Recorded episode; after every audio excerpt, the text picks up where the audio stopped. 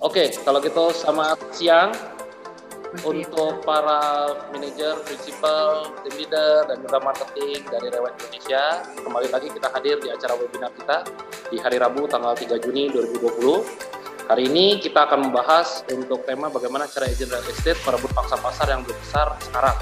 Di sini telah hadir tiga orang yang sangat hebat sekali yang akan menjadi pembicara uh, yang menjadi panel discussionnya kita. Ada Ibu Ade Nurma dari uh, Rewet Kebayoran Senopati. Halo Ibu. Halo Pak. Lalu ada Pak David Arianto dari ya. Lalu ada Pak David Arianto, Head of National Project dari Rewet Project. Selamat siang Pak David. Selamat siang Pak Lalu David. ada Bapak Rahmat Novian. Ya, siang Pak. Ya, lalu ada Bapak Rahmat Noviansyah dari Rewet Kebayoran Barito. Uh, pada siang hari ini di, di webinar kita siang hari ini saya tentunya selain ditemani oleh tiga panelis member kita, tentunya ada Ibu Ana yang cantik. Halo Bu Ana. Kok mukanya langsung begitu? Oke, okay. uh, seperti yang tadi sudah diperkenalkan oleh uh, Pak Boyke dan Pak Mafif mengenai uh, tentang uh, panelis kita, uh, ini sudah ada kredensial yang spesial untuk Bapak Ibu tentang panelis kita.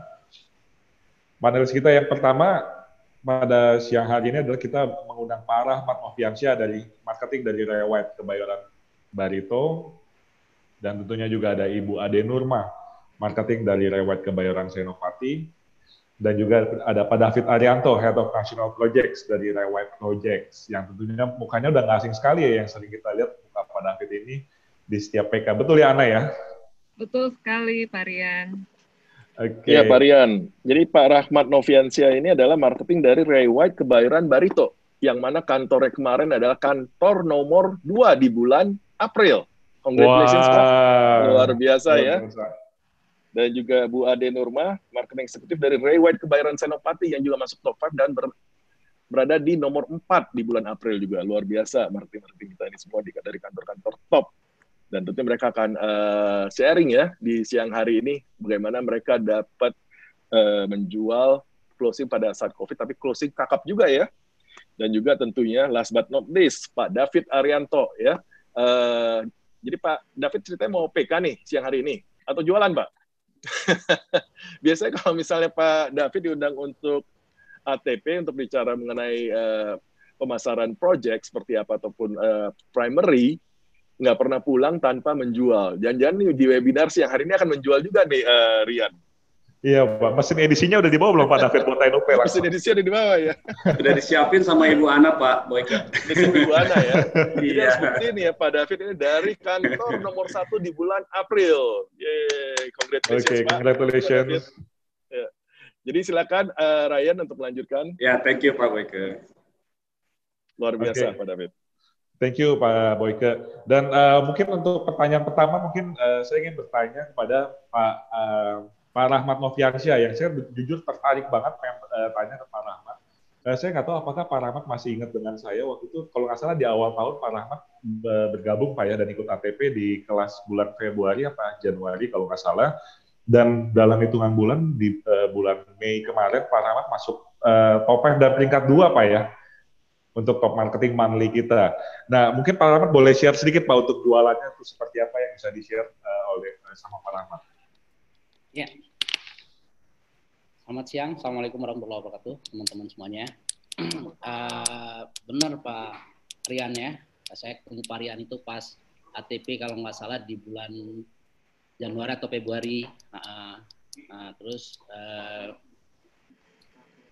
ya setelah dari ATP itu apa coba kita uh, seperti biasa aja Pak. Kita ada dari mentor saya Pak. Pimpinan saya Pak karena kamu harus lakukan iklankan fokus ke apa fokus ke zona kamu kan gitu. Apalagi zona kita ini kan uh, termasuk zona yang luar biasa Pak. Jadi nggak perlu kalau mungkin kalau di luar daerah untuk menjual segitu mungkin butuh beberapa kali penjualan. Nah kalau di kita kan uh, sekali jual insya alhamdulillah udah bisa menjual yang lumayan besar Pak. Jadi ekstra tenaganya sebenarnya nggak terlalu besar dibandingkan teman-teman yang penjualan harga-harganya di 600 700 gitu Pak. Uh, sementara uh, apa uh, pas saya jual di Pakuwono sama Pak karena kemarin itu memang masa-masa uh, COVID Pak. Masa-masa COVID itu di mana orang pada takut keluar sebenarnya Pak. Hmm. Pada takut keluar. Tapi uh, saya sih tetap yakin dan percaya uh, justru di masa COVID ini akan harga akan terkoreksi. Ternyata benar Pak, harga terkoreksi. Terus uh, yang punya juga uh, ada penawaran yang menarik, akhirnya klik di sana Pak. Hmm, jadi dia ya udahlah, saya turun harga di sini, uh, tapi saya akan dapat harga properti yang lain. Makanya harga dari 60 miliar kemarin kita terkoreksi lumayan banyak Pak jadi 47 miliar itu kan lumayan luar biasa wow. waktu sebelum Covid eh, waktu sebelum Covid kemarin itu ditawar 50 M aja nggak dikasih. Oke. Okay. Nah, nggak dikasih 50 M aja nggak dikasih. Nah, jadi Covid pun sebenarnya ada sedikit membawa membawa berkah juga buat kami. gitu Closing ya. di bulan Covid ya Pak ya. Closing okay. di bulan Covid. Walaupun kita keluar agak takut-takut juga, uh, tapi ya saya lama Pak Karna ya udahlah kita keluar aja Bismillahirrahmanirrahim kita yakin kok kita bisa jualan gitu walaupun waktu itu sempat takut-takut juga Pak siapa sih yang nggak takut manusia betul kan? betul dan ternyata justru membuahkan membuahkan hasil Pak ya pada saat membuahkan hasil berani uh, keluar iya karena membuahkan hasil kenapa karena ownernya ownernya sendiri uh, akhirnya menurunkan harga juga. Uh, kan kita pasti kasih masukan juga zam, masa sekarang uh, masa sekarang siapa sih? Kalau yang mau beli mahal-mahal kan gitu. Ini ada penawaran yang menarik walaupun kurang dari yang penawaran yang pernah ditawar orang pak gitu loh. Hmm oke okay, oke. Okay. Oke, luar biasa. Thank you Pak Rahmat. Dan mungkin saya mau ke Ibu Ade Nurma. Bu Ade Nurma kemarin juga di bulan Mei juga masuk top 5 peringkat 4 ya Bu ya. Boleh di-sharing Bu untuk closingnya Bu? Kalau untuk saya itu prosesnya sebenarnya dari awal-awal COVID pertama Pak. Jadi di bulan Februari itu ada penawaran untuk Jalan Mira satu nomor satu. E, kondisinya saat itu e, penawaran memang masih agak lumayan tinggi. Terus akhirnya kita deal di 39,5 m. Nah terus untuk selanjutnya pembeli eh, pemilik dari Bira itu karena trust sama saya dan loyal, jadi akhirnya dia minta carikan rumah juga gitu Nah, pada akhirnya e, beruntun deh Pak, Alhamdulillah gitu. Jadi habis bira satu terjual, pemiliknya minta cariin rumah, akhirnya saya dapetin juga listing selling itu di e, Mendawai 4 gitu. Nah, jadi e, dua dua sih gitu yang yang sudah uh, closing saat ini. Nah, hmm. kalau untuk yang selanjutnya itu uh, dalam proses KPR itu di Bona Indah dan statusnya ada penawaran gitu sih. Wow. Oke oke. Nah untuk prosesnya sendiri uh, Bu Ade untuk reposisi harga pasti terjadi reposisi harga Bu ya. Nah itu prosesnya dalam uh, untuk mengedukasi vendor supaya mau turunin harga supaya vendor tahu bahwa uh, bahwa harga sekarang ini nggak bisa mahal gitu. Nah itu apa yang Bu Ade lakukan? Sebenarnya adalah uh, kita melihat dari data Pak, data sekitar. Jadi uh, area kita seperti apa itu memang uh, apalagi untuk khususnya area kita itu kan memang semuanya based on data gitu. Jadi dia nggak bisa juga dari ucapan secara verbal gitu kan. Jadi um, ada uh, karena di Birah ataupun Mendawai itu jadi uh, saya kasih beberapa data di area sekitar yang mem memang pernah kita uh, sold, memang kita jual dan dari situ pada akhirnya dia trust juga sih. Mungkin juga karena memang personal mereka juga bahwa uh, itu kan sebenarnya kondisinya rumah itu sudah dijual hampir satu tahun. Nah penawaran memang tertinggi pada akhirnya uh, makanya jadi ceritanya penawaran tertinggi sebenarnya ada di tahun kemarin, tetapi kesempatan itu uh, tidak diambil. Nah jadi saya memakai uh, kesempatan itu saya bilang daripada nanti hilang lagi, gimana kalau dipikirin saya bilang gitu. Apalagi kondisinya seperti ini dan akhirnya uh, deal sih Pak gitu Hmm, Oke, okay. berarti kita bicara uh, menggunakan data perbandingan, betul ya Bu Ade ya? Hmm. Oke, okay, thank you Bu Ade. Dan untuk selanjutnya saya ingin ke Pak David Arianto. Halo Pak David. Pak Arian. Iya, yang tadi sudah dijelaskan oleh Pak David, seperti yang kita tahu, saya rasa nggak perlu dijelaskan lagi ya Pak David ini jualannya seperti apa. Lagi ATP aja ternyata peserta ATP-nya bisa bayar NUP untuk proyek yang ditawarkan Pak David. Itu luar biasa banget. Orang kalau jualan ke klien itu udah biasa Pak David ya. Ini orang ya, lagi ya. ATP, udah bayar biaya ATP, mau bayar untuk NUP proyek yang ditawarkan Pak David. Nah, kalau untuk Pak David, saya ingin bertanya, the new normal, kita banyak bicara mengenai the new normal untuk setelah uh, pasca COVID ini. Yeah. Kalau di pasar properti untuk terutama untuk primary project Pak David, menurut Pak David sendiri, the new normal uh, nanti seperti apa Pak?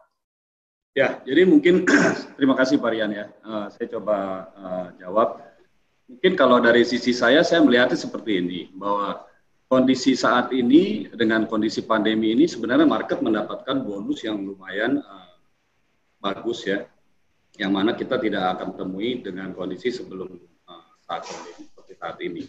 Bonus yang saya katakan itu adalah seperti uh, kita menemui sekarang ini untuk market itu banyak sekali supporting yang kita terima yang saya katakan bonus itu dalam bentuk seperti kalau dari bank ya bank itu memberikan bunga yang sangat luar biasa ya di bawah uh, sangat rendah lah sangat sangat menarik ya bahkan bukan hanya menarik tetapi juga ada yang sampai memberikan cuti bayar cuti bayar dalam arti kata, uh, dalam arti kata adalah hanya membayar bunganya saja selama setahun sampai dua tahun itu uh, penawaran yang kita yang saya bilang sih tidak kita temui dengan kondisi sebelum masa covid seperti saat ini lalu dari pihak developer bonusnya kita juga terima uh, untuk market.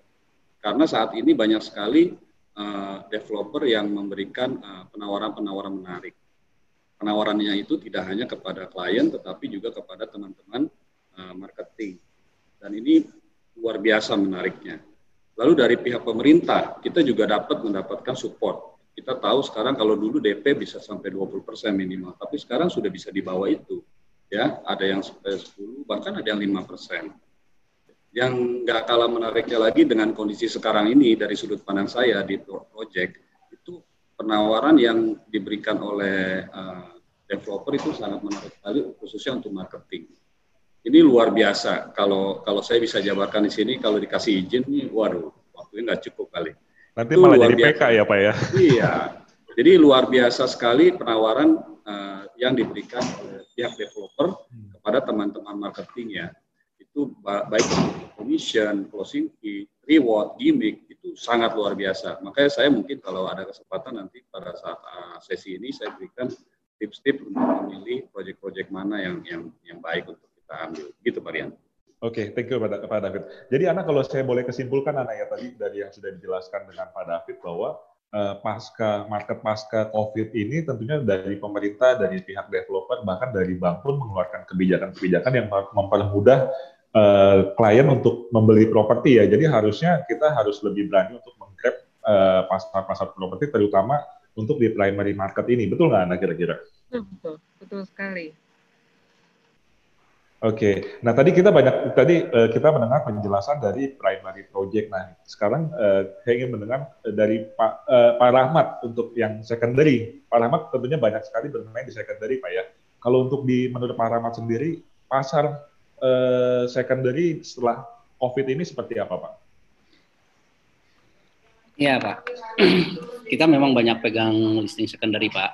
Uh, dan harganya sih lumayan bagus, Pak, untuk di saat COVID sekarang kan gitu. Nah, makanya sih, makanya saya sih setiap pagi biasanya uh, saya hanya CLO aja sih sama klien-klien uh, yang udah ada respon dari open house, iklan kan gitu mereka selalu tanya kalau kita saya tawarkan barang biasanya mereka tanya sekarang udah harga covid belum? Kan gitu. Kalau belum harga covid nggak usah tawar tawarin deh. Kan gitu.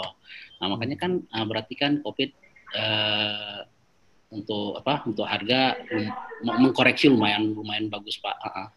Apalagi sekarang kan kita juga ada beberapa mudah-mudahan menjadi transaksi ya pak ya. Uh, dari ini sekarang kan dari harga yang tadinya 15 m dia buka harga sekarang jadi uh, eh, 12 sekarang ditawar di bawah 10 pun udah mulai goyang gitu loh. Hmm. kan untuk harga kan lumayan kan gitu pak.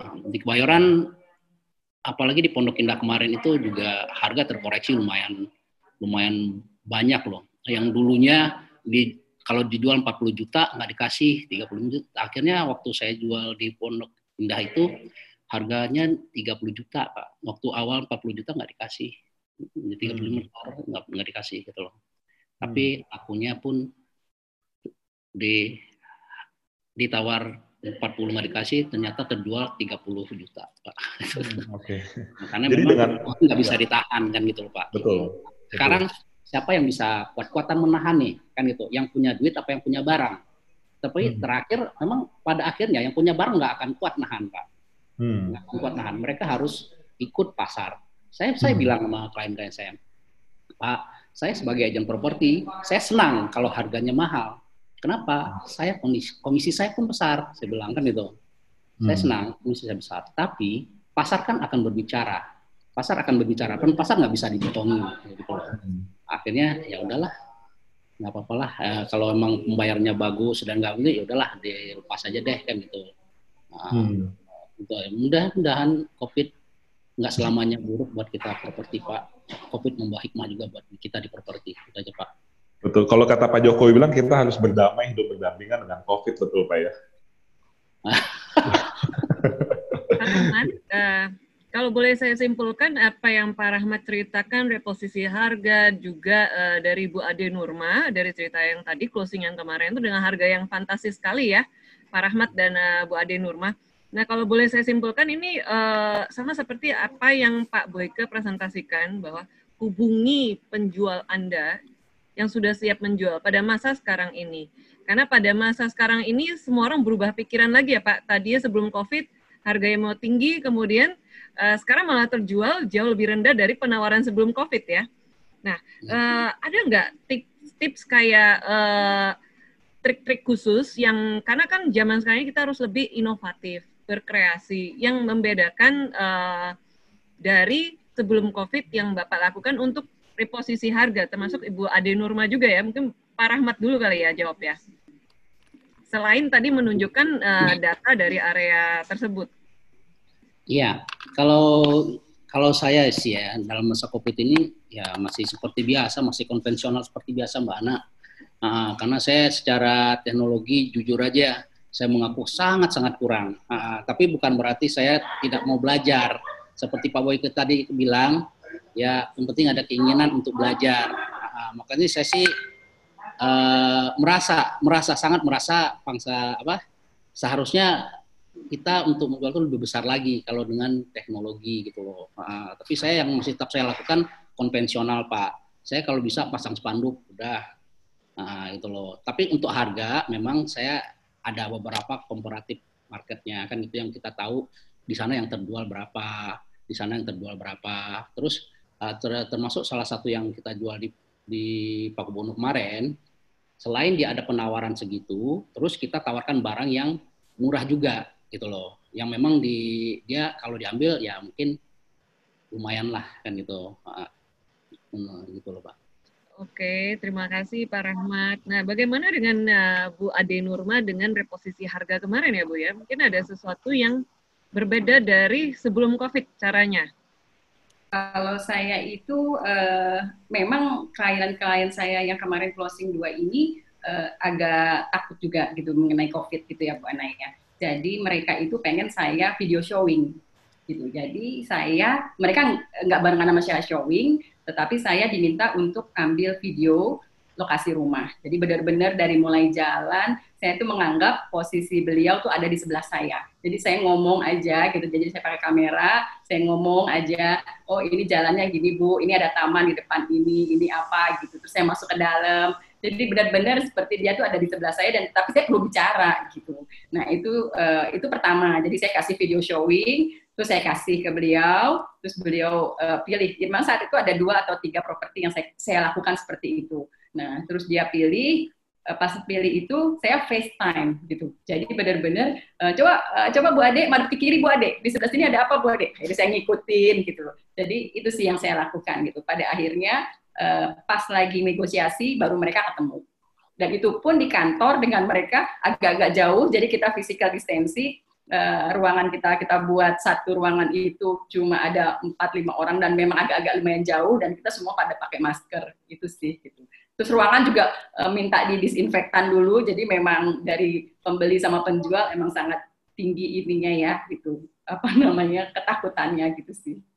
Menarik sekali ya, uh, Bu Ade. Ini mengingatkan saya pada webinar yang beberapa kali yang lalu, di mana Pak uh, sempat mempresentasikan tentang pemasaran secara virtual, yaitu ada satu dengan online dan satu secara offline ya.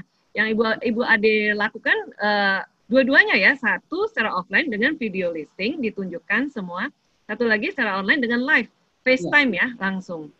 Oke, agak geser ke sini, geser ke sana biar bisa lihat lebih jelas ya Bu ya. Tapi hmm. ada kayak interview nggak dengan uh, mungkin penghuni area di sana, mungkin yang ibu sudah dapatkan sebelum COVID karena zaman sekarang kan pasti orang ketakutan ya kalau untuk bertemu ya. Mungkin ada kayak interview seperti yang Pak Boyka sampaikan, kayak uh, testimoni. Oh saya tinggal di area sini ini asri nih, tidak terlalu panas uh, dan tidak pernah banjir atau apa, keamanannya cukup ini. Ada nggak Bu ya seperti itu? Nah, sebenarnya sih enggak Mbak, baru tadi tuh dapat ide dari Pak eh, Pak Boy, terima kasih. Jadi besok-besok saya perlu itu testimoni. Applicable ya Bu ya, berarti ya? Sangat. Oke, menarik banget tadi Ana ya. Tadi yang tadi Pak Rahmat bilang, Pak Rahmat masih banyak menggunakan cara konvensional. Cara konvensional aja bisa jualan gede. Gimana kalau Pak Rahmat iya. benar-benar bisa memanfaatkan uh, digital tentunya. Tentu jualannya akan jauh lebih luar biasa ya. Dan untuk para audiens saya ingin, uh, ingin mengingatkan bahwa di, di layar uh, Bapak Ibu ada tombol untuk pilihan Q&A dan Bapak Ibu bisa tulis, menuliskan pertanyaan Bapak Ibu uh, sekarang juga tanpa harus menunggu sesi akhir dari panel of discussion ini bisa langsung dituliskan jika ingin bertanya kepada panelis hebat kita. Nah mungkin saya mau lanjutkan pertanyaan ke Pak Rahmat Pak. Dan tadi eh, kita banyak berbicara mengenai pasar saat COVID ini. Tentunya banyak sekali kita dapat dapat barang murah Pak ya. Yang yang yang saya yakin yang yang orang mungkin banyak menyebutnya adalah dengan harga COVID Nah, tapi yang ingin saya tanyakan adalah menurut Pak Rahmat, opportunity di di pasar setelah masa COVID ini, Pak, opportunity apa yang Bapak lihat yang bisa kita ambil, Pak? Setelah masa COVID ini ada opportunity apa? Ya, pertama sih paling uh, kita sih berharap harga setelah COVID juga masih tetap stuck ini ya, Pak ya. Uh, apa? Di properti ini kan ada kalau sekarang waktunya membeli untuk investor gitu loh Pak. Uh, dan saya membina membina investor Pak uh, dengan apa? Dengan membina investor mungkin sama harga saya sih mendata sampai sekarang sih saya masih mendata mendata terus untuk persiapan-persiapan kalau Covid sudah selesai kita tinggal siap bertempur kembali mungkin dengan dengan uh, seperti biasa lagi Pak gitu loh Pak. Dengan mungkin pangsa pasarnya kalau sekarang kan pembayar kan memang banyak yang takut, tapi bukan berarti semuanya takut. Investor pada keluar, Pak. Investor pada keluar, mereka berani keluar. Yang penting harganya harga COVID, kan itu. Dan saya juga masih persiapkan uh, beberapa ini mendata-data listing-listing juga, uh, terus harga-harga uh, saya juga follow up investor-investor juga harganya sekarang udah terkoreksi apa enggak kan itu. Jadi saya persiapkan mulai sekarang saya persiapkan data untuk uh, apa untuk setelah covid pak yang jelas saya sekarang masih tetap mencari listing aja lah saya hmm. saya saya nggak ngerti teknologi saya ngertinya kata pak karena ya udahlah kita sekarang cari listing yang green stock aja deh udah saya nggak mikir-mikir yang lain-lain deh udah nah gimana caranya nanti ya kita yang yang jelas promosi masih tetap iklan open house uh, terus uh, yang jelas banyak-banyak ngopi sama investor sekarang Pak. Kan itu. Banyak-banyak ngopi sama investor. Pak. Oke, okay, berarti kalau saya boleh simpulkan bahwa opportunity setelah masa COVID ini adalah akan banyak green stock Pak ya, dari hasil kerja keras kita selama masa COVID ini untuk edukasi vendor, nanti setelah masa COVID berlalu tentunya akan banyak sekali barang-barang green stock Pak ya, jadi tinggal panen ya. ya. Betul, betul okay. Pak. Oke, okay. kalau Bu Ade, menurut Bu Ade gimana Bu? Setuju dengan apa yang disampaikan oleh Pak Rahmat, Bu Ade?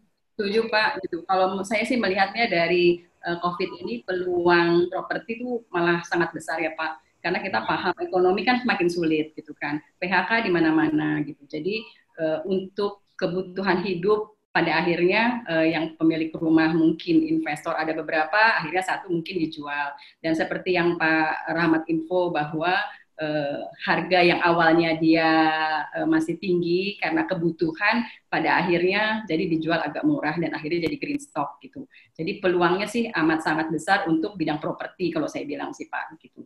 Nah, mungkin yang perlu kita uh, garis bawahi di sini adalah kondisi PSBB seperti ini uh, dari kita uh, para agent atau lagi terutama saya gitu ya saya sih uh, akan terus bergerak gitu lebih aktif Pak gitu jadi seperti yang Pak Karna info mungkin uh, pembeli itu hanya beberapa hanya investor-investor saja gitu tetapi uh, nggak ada salahnya juga kita ngumpulin listing gitu. Jadi uh, ngumpulin listingnya pun uh, karena kondisinya lagi physical distancing ya uh, do personal activity aja gitu, do personal activity dan minimize physical distancing. Hmm gimana caranya ya mungkin kita bisa canvassing gitu Pak kita bawa mobil atau bawa kendaraan kita jalan sendiri gitu kan ada rumah yang dijual nanti kita akan listing itu aja sih cara beberapa hmm. Oke, okay, thank you Bu Ade. Nah kalau menurut Pak David, Pak David Arianto, kalau dari sisi project Pak, dari project primary, nah menurut Pak David ada opportunity apa Pak yang menanti kita nih uh, setelah masa COVID ini Pak? Ya, Pak Rian. kalau saya mungkin uh, dari sisi saya mau mengklarifikasi bahwa saat ini memang lagi COVID masanya, tetapi uh, ada dua hal. Jadi satu COVID dan satu lagi nanti setelah COVID. Dua hal ini merupakan opportunity di, dari sisi saya. Kenapa? Yang tadi saya katakan bahwa dalam kondisi COVID saat ini kita banyak sekali uh, mendapatkan bonus-bonus dari semua pihak. Dan ini yang tugas kita mendeliver uh, kepada klien-klien, kepada partner, ya rekanan, supaya informasi ini semua sampai. Nah tentunya yang kedua tadi setelah masa pandemi ini peluangnya menjadi lebih besar lagi setelah yang kita lakukan saat ini. Artinya yang saya pelajarin uh, salah satu yang saya pelajari dari Pak Boyke adalah kita harus building trust. Caranya gimana? Caranya komunikasi. Nah itu yang saya lakukan saat ini. Saya banyak berkomunikasi dengan berbagai berbagai pihak, uh, seperti dengan developer. Saya berkomunikasi bagaimana menerapkan uh, gimmick-gimmick, promo-promo yang menarik saat ini untuk bisa diterima oleh market. Lalu dengan pihak bank, uh, kita juga saya mendapatkan banyak informasi seperti saat ini uh, ada kriteria-kriteria khusus yang ternyata diterapkan oleh bank dan ini yang saya sampaikan kepada teman-teman. Jadi contoh untuk bisnis-bisnis pariwisata, travel itu menjadi batasan-batasan tertentu untuk bank memberikan lending dan informasi ini sangat uh, signifikan untuk diterima oleh market. Lalu begitu juga dengan saya komunikasi dengan eh, teman-teman uh, marketing kantor uh, properti. Apa yang diberikan oleh pihak developer ini menurut saya sangat menarik dan disampaikan harus disampaikan kepada teman-teman uh, untuk bisa sampai lagi kepada klien. Dan yang terakhir juga saya ada komunikasi juga dengan klien-klien saya pribadi seperti kemarin ada teman dari klub mobil dia kangen datang ke daerah rumah saya Karawaci sudah beli uh, unit uh, properti primary. Ternyata begitu ngobrol-ngobrol saya sampaikan informasi terbaru dia bilang wah menarik ya. Akhirnya dia berpikir untuk menambah unit lagi. Jadi uh, masa sekarang ini opportunity opportunity-nya besar sekali dan nanti setelah pandemi juga akan lebih besar. Yang penting yang tadi building trust dengan cara komunikasi. Artinya ada dampak uh, yang bisa kita berikan dengan market salah satunya dengan memberikan informasi dan ini harus dilakukan secara konsisten dan persisten begitu Pak Rian. Hmm, Oke, okay, thank you. Berarti uh, uh, tadi opportunity jelas ya dan dan strateginya adalah tentunya kita harus bikin bikin uh, membangun trust ya dengan dengan komunikasi yang konsisten dengan klien-klien kita segala macam. Nah, mungkin Pak, Pak David boleh sedikit kasih tips Pak buat teman-teman marketing kita yang mungkin sedikit kebingungan nih uh, untuk menjual project primary ini Pak terutama di masa COVID ini ataupun nanti setelah masa COVID, tapi mereka pun juga pengen ataupun uh, ya pengen untuk jualan uh, primary ini Pak. Mungkin boleh tips satu atau dua yang yang benar-benar bisa membantu teman-teman marketing untuk bisa jualan primary Pak. Ya, mungkin uh, kalau dikatakan tips enggak lah ya, kita sharing aja bersama-sama lah ya. Uh, saya percaya bahwa teman-teman yang di marketing juga di kantor kantor-kantor Rewide itu sudah pada hebat ya tapi uh, seperti yang saya biasa sampaikan kalau di kelas ATP juga saya berikan uh, informasi bahwa kita tidak boleh lupa yang namanya proporsional rasio 70-30. Artinya apa? Tetap kita harus ada pembagian manajemen waktu untuk pengurusan uh, yang namanya secondary dan primary listing. Karena pada saat seperti sekarang ini, ini informasi apa uh, sharing aja saya pribadi, banyak saya kalau komunikasi dengan teman-teman marketing yang dulunya melakukan uh, 70-30 uh, manajemen waktu, pembagian uh, pengurusan untuk uh, secondary dan primary, sekarang ini menikmati, menikmati pada saat jatuh tempo uh, commission. Dia mungkin tidak saat ini belum melakukan uh, mendapat penjualan seperti Pak Rahmat, Ibu Ade ya, tapi dia terima komisi cair gitu loh di saat pandemi ini. Nah itu adalah efek dari yang kemarin 30 uh, 70 yang mereka lakukan itu satu. Yang kedua, kalau saat ini dari saya sih share-nya info mungkin uh, lebih kepada kita yang pasti-pasti aja. Uh, maksud saya yang pasti-pasti aja adalah pada saat kita mau menjalankan uh, menawarkan primary project kepada klien, kita pilih aja uh, developer yang sudah pasti-pasti aja. Apa? Ya, developer yang kredibilitasnya sudah oke. Okay. Besar perusahaannya sih kita sudah tahu. Proyeknya bagus atau enggaknya kita tahu. Jadi enggak enggak enggak semua proyek kita terima. Seperti kita tahu kan sekarang proyek banyak sekali yang dipasarkan tapi kita pilih aja. Nah, saya ada komunikasi dengan bos saya, Pak Erwin Karya ya, kita filtering semuanya. Jadi hanya beberapa proyek yang menarik, yang baik, yang kita ambil untuk kita tawarkan kepada teman-teman kantor. Itu salah satunya. Seperti kemarin juga, sampai saat ini kita, saya masih melakukan komunikasi. Uh, salah satu uh, goals untuk branding uh, building trust adalah saya melakukan komunikasi dan ternyata kita saya ada melakukan deal lagi dengan salah satu developer besar ya BUMN dan mungkin hari ini sudah ditanda tangan tuh MOU-nya sama bos saya Pak Erwin Karya yaitu LRT di MT Haryono. Ini juga luar biasa ya selain proyeknya bagus saya, saya sudah bicara dengan pihak developer direkturnya kita siapkan yang namanya closing fee-nya begitu UTJ langsung cair untuk teman-teman. Ya, kita tahu kan sekarang ini saya bilang sama developer bahwa kita lagi butuh cash di depan. Bagaimana Pak? Akhirnya dibuatkan dengan UTJ eh, langsung bisa dapat closing fee. Ditambah lagi commission, ditambah lagi gimmick yang kita siapkan. Mudah-mudahan secepatnya nanti kita bisa deliver di, uh, di informasi informasinya ini ke teman-teman. Begitu Pak Rian. Oke, okay, thank you Pak David. Mungkin yang tadi jangan dijelaskan terlalu detail Pak ya, karena itu harus di keep dulu untuk nanti PK. Nanti kalau dibiarkan kelamaan jadinya PK nih Pak David. Tapi ya. tadi menarik banget Pak ya, begitu UTJ langsung keluar closing fee Pak ya? Iya, kalau oh, dulu hmm. kalau dulu kan kita hanya mungkin dapatnya commission Pak Varian hmm. ya. Hmm. Lalu ada mendekat sebelum pandemik memang masa-masanya ada juga dapat closing fee. Tapi tetap aja harus diklaim kan Betul. Kalau sekarang enggak, enggak. Begitu UTJ cair, ya kan? Nah ini ini adalah saya ada ada uh, apa, dipanggil sama beberapa developer untuk uh, bicara-bicara lah ngobrol apa yang paling tepat saat ini pada fit katanya. Jadi yang paling tepat adalah sekarang ini kita tetap mau jualan pak, ya kan? Tapi kita juga pilih-pilih. Ya selain secondary dengan primary kita juga pilih-pilih. Nah primary seperti apa yang tadi saya katakan yang developernya besar, yang namanya sudah jelas, eh, kredibilitasnya sudah terlalu terlihat yaitu dalam bentuk hasil-hasil uh, properti yang mereka sudah bangun, ya kan, kesuksesannya. Nah ini kita pilih Pak, saya bilang. Nah salah satunya juga gimmicknya itu. Jadi begitu TJ kalau cair ini menarik buat teman-teman di hmm. di lapangan gitu. Makanya kita buatkan varian. Ya sebentar uh, sebentar lagi lah kita deliver lagi yang namanya LRT di MT Haryono itu.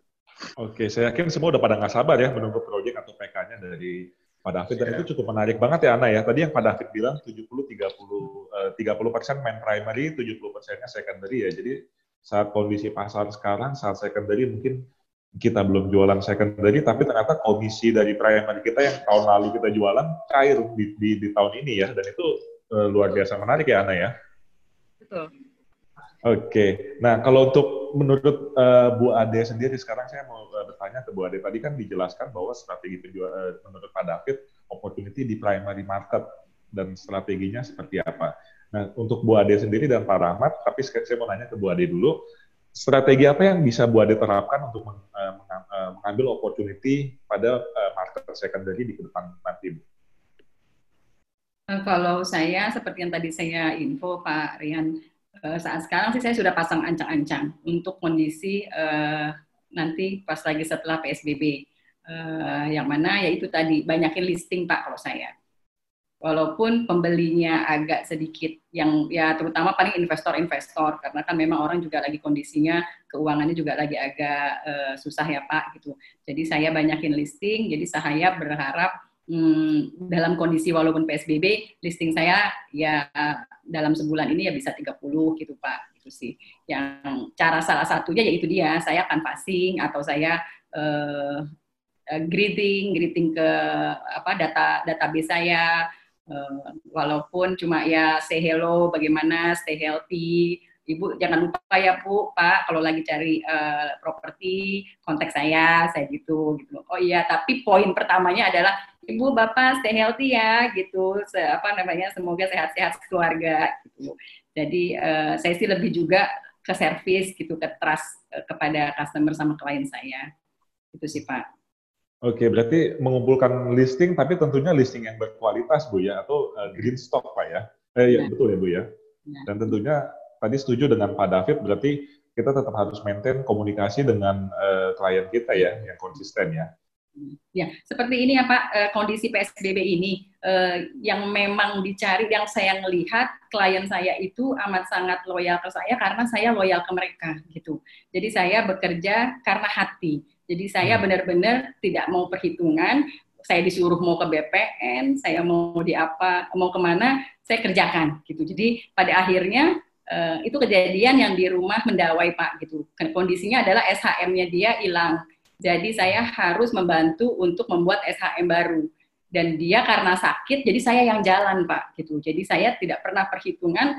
Saya yang penting dia happy, uh, apa AJB juga berjalan dengan lancar. Jadi saya kerjakan. Dilala dia malah Bu Ade saya mau cari rumah, tolong dicariin ya Bu Ade gitu. Terus malah dia yang kasih unjuk, nih Bu ada yang dijual di jalan ini jadi malah dia yang ngasih ke saya. Jadi saya melihatnya dari situ, oh kalau memang ada yang nanya dan dia loyal ke kami, uh, nah saya harus benar-benar uh, full support gitu, full service hmm. ke beliau, gitu sih Pak. Oke, menarik ya. Jadi uh, excellent service yang Bu Ade berikan dan mendat hasilnya mendatangkan uh, bukan cuma retention ya, tapi juga uh, bisa mendapatkan refer referral dan customer pun juga jadi loyal sama kita, betul ya Bu Ade ya? Oke, okay. kalau Pak Rahmat sendiri gimana Pak? Setuju dengan yang disampaikan dengan Bu Ade atau Pak Rahmat punya pendapat sendiri? Ya, kalau saya sih pada dasarnya hampir samalah dengan Bu Ade ya Pak Rian ya. Semua yang diajarkan di White, diajarkan sama pimpinan kantor saya, saya tinggal ikutin aja lah yang diarahkan sama mereka gitu loh. Dan juga memang saya harus loyal sama klien saya. Uh, makanya pas uh, kita jual kemarin, mereka dia udah beli beli lagi sama kita. Tapi sayang yang sebenarnya kita sudah deal harga tapi karena ownernya lagi sakit jadi sakit makanya agak tertunda. Padahal kita sudah deal harga gitu loh pak. Hmm. pada intinya membangun hubungan juga terus membantu apa yang bisa kita bantu pasti kita bantu. Nah, salah satunya saya juga mau ada lagi negosiasi juga. Terus ya di Bayoran juga terus ada pembelinya mau KPR pak kan gitu. Pembelinya mau KPR nah, terus IMB-nya hilang katanya kan gitu. IMB-nya hilang. Ini saya tawarkan ke vendor udah pak ini kalau masalah IMB saya coba bantu deh kan gitu. Nah, nanti saya coba urus uh, semoga bisa saya bantu saya bilang gitu aja pak. Yang penting dulu ada IMB-nya saya hmm. jelaskan yang penting dulu ada IMB-nya kalau hilang saya minta data-data uh, surat-surat Bapak, nanti saya coba cari ke arsip itu aja Pak. Saya, saya, saya sih hanya bisa membantu gitu aja sih Pak. Hmm, oke okay, oke. Okay. Berarti uh, strateginya adalah terus memberikan service yang yang excellent ya ke ke, ke klien-klien kita sesuai dengan apa yang klien kita butuhkan. Karena di sini mungkin kita terlihat uh, jual beli properti, tapi sebenarnya kita membantu vendor untuk menjual propertinya. Kita membantu mereka dan kita juga membantu buyer untuk mendapatkan properti idamannya sesuai dengan harga yang eh, cocok dengan budgetnya mereka. Betul ya Pak ya? Oke, dari Anda mungkin ada eh, tambahan pertanyaan yang ingin ditanyakan? Uh, mungkin kita bisa ingatkan ke partisipan lagi bahwa uh, bagi yang mau bertanya mereka bisa uh, masukkan uh, pertanyaan ke kolom Q&A.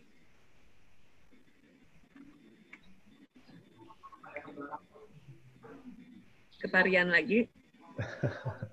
Oke, okay. saya rasa mungkin karena udah uh, banyak di penjelasannya, saya rasa tadi cukup jelas sekali ya, cukup detail sekali yang dijelaskan oleh Bu Ade dan Pak Rahmat mengenai uh, market secondary dan juga Pak David untuk uh, primary market ya. Dan mungkin sebelum saya kembalikan ke uh, MC kita, Pak Malvin, mungkin dari uh, panelis kita, Bu Ade, Pak Rahmat, dan uh, Pak David mungkin ada uh, message terakhir yang ingin disampaikan pada uh, audiens kita untuk menghadapi uh, pasar ke depannya seperti apa dan bagaimana kita harus mencapainya itu mungkin dari Bu Ade uh, message terakhir yang disampaikan Bu Ade.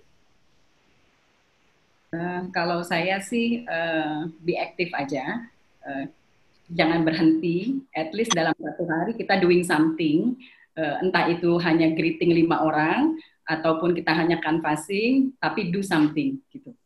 Hmm. Oke, okay, thank you Bu Ade. Kalau dari Pak Rahmat sendiri?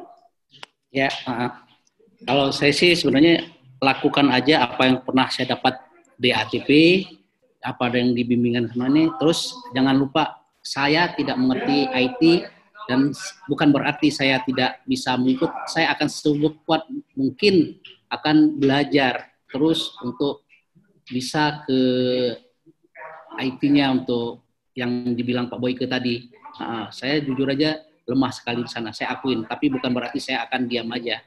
Itu aja sih Pak. Buat Betul. yang penting tetap pengen belajar. Kalaupun tidak belajar, mungkin saya bisa meng-hire orang. Membantu saya.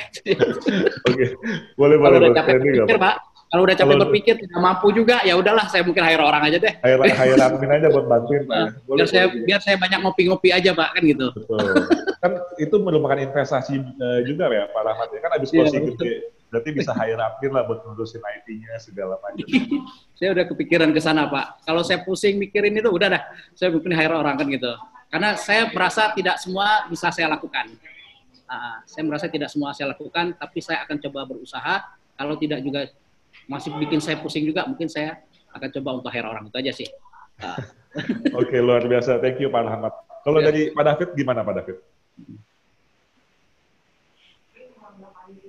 Ya, uh, dari saya justru saat ini harusnya uh, kita manfaatkan untuk uh, building trust dari uh, sekeliling kita ya. Kalau dari saya pribadi kan ada developer, ada bank, ada teman-teman kantor, agent, ada klien langsung juga ya. Ini kita manfaatkan dengan melakukan uh, menuju kepada goalsnya building trust dengan cara komunikasi yang secara intensif ya dan ini terus menerus kita lakukan secara konsisten dan persisten. Artinya apa? Uh, mereka harus merasakan dampak positif uh, kehadiran kita, yaitu uh, salah satunya adalah memberikan delivery informasi yang saat ini sangat berguna, ya, berguna untuk kita semua. Yang tadi saya seperti katakan ada dari bank, ada dari pemerintah, ada dari developer, bahkan untuk agent sendiri, ya. Jadi saat-saat ini untuk teman-teman uh, marketing saya juga banyak bantu loh. Uh, ada yang lagi ngeklaim commission, ada juga yang cicilan DP customer sudah jatuh tempo sekarang mau akad. Jadi banyak sekali. Nah ini yang saya lakukan. Jadi jangan sampai kehilangan, justru menurut saya jangan sampai kehilangan momen ini dan harus dimanfaatkan semaksimal mungkin dan ini akan positif ke depannya untuk kita bergerak lebih baik lagi gitu Barian. Oke, okay, thank you Pak David. Uh, jadi Ana kalau saya boleh kesim, uh, kesimpulan Ana dari yang tadi disampaikan oleh Bu Ade, Pak Rahmat dan juga Pak David adalah di saat seperti ini tentunya kita harus mengambil kesempatan untuk membangun hubungan lebih dekat lagi ya dengan klien-klien kita, database kita, dan terus melakukan aktivitas eh, aktivitas-aktivitas yang memang sudah seharusnya kita lakukan. Karena semua ini kita nggak mungkin uh, apa closing ini nggak mungkin langsung turun aja jatuh dari langit betul ya. Tentu harus ada proses yang dijalankan dan harus dilakukan secara konsisten. Dan mungkin message terakhir dari saya yang boleh kalau boleh saya ambil tadi sedikit dari presentasinya Pak Boyke adalah uh, ya, apa yang dikatakan oleh Sun Tzu, The Art of uh, War, in the midst of chaos there is also opportunity bahwa di setiap uh, di tengah-tengah uh, kesulitan, di tengah-tengah semua masalah tentunya pasti akan ada opportunity. Nah, balik lagi kita mau melihat dan atau dan mengambil opportunity tersebut atau kita cuma mau duduk diam aja dan melihat orang lain yang mengambil opportunity itu. Oke, okay, Ana, ada yang ingin disampaikan terakhir, Ana? Tidak ada, menarik sekali pembicaraan hari ini melihat uh, aktivitas yang terus-menerus dilakukan oleh uh, Bu Ade, Pak Rahmat, uh, dan intinya juga komunikasi-komunikasi, tetap mencari listing baru, itu adalah tabungan kita ya, pada saat uh, kita memasuki uh, zaman normal uh, setelah PSBB ini, uh, itu adalah senjata kita yang perlu kita pakai. Tidak ada dan untuk Pak David, terima kasih banyak untuk uh, masukannya building trust ya Pak David ya.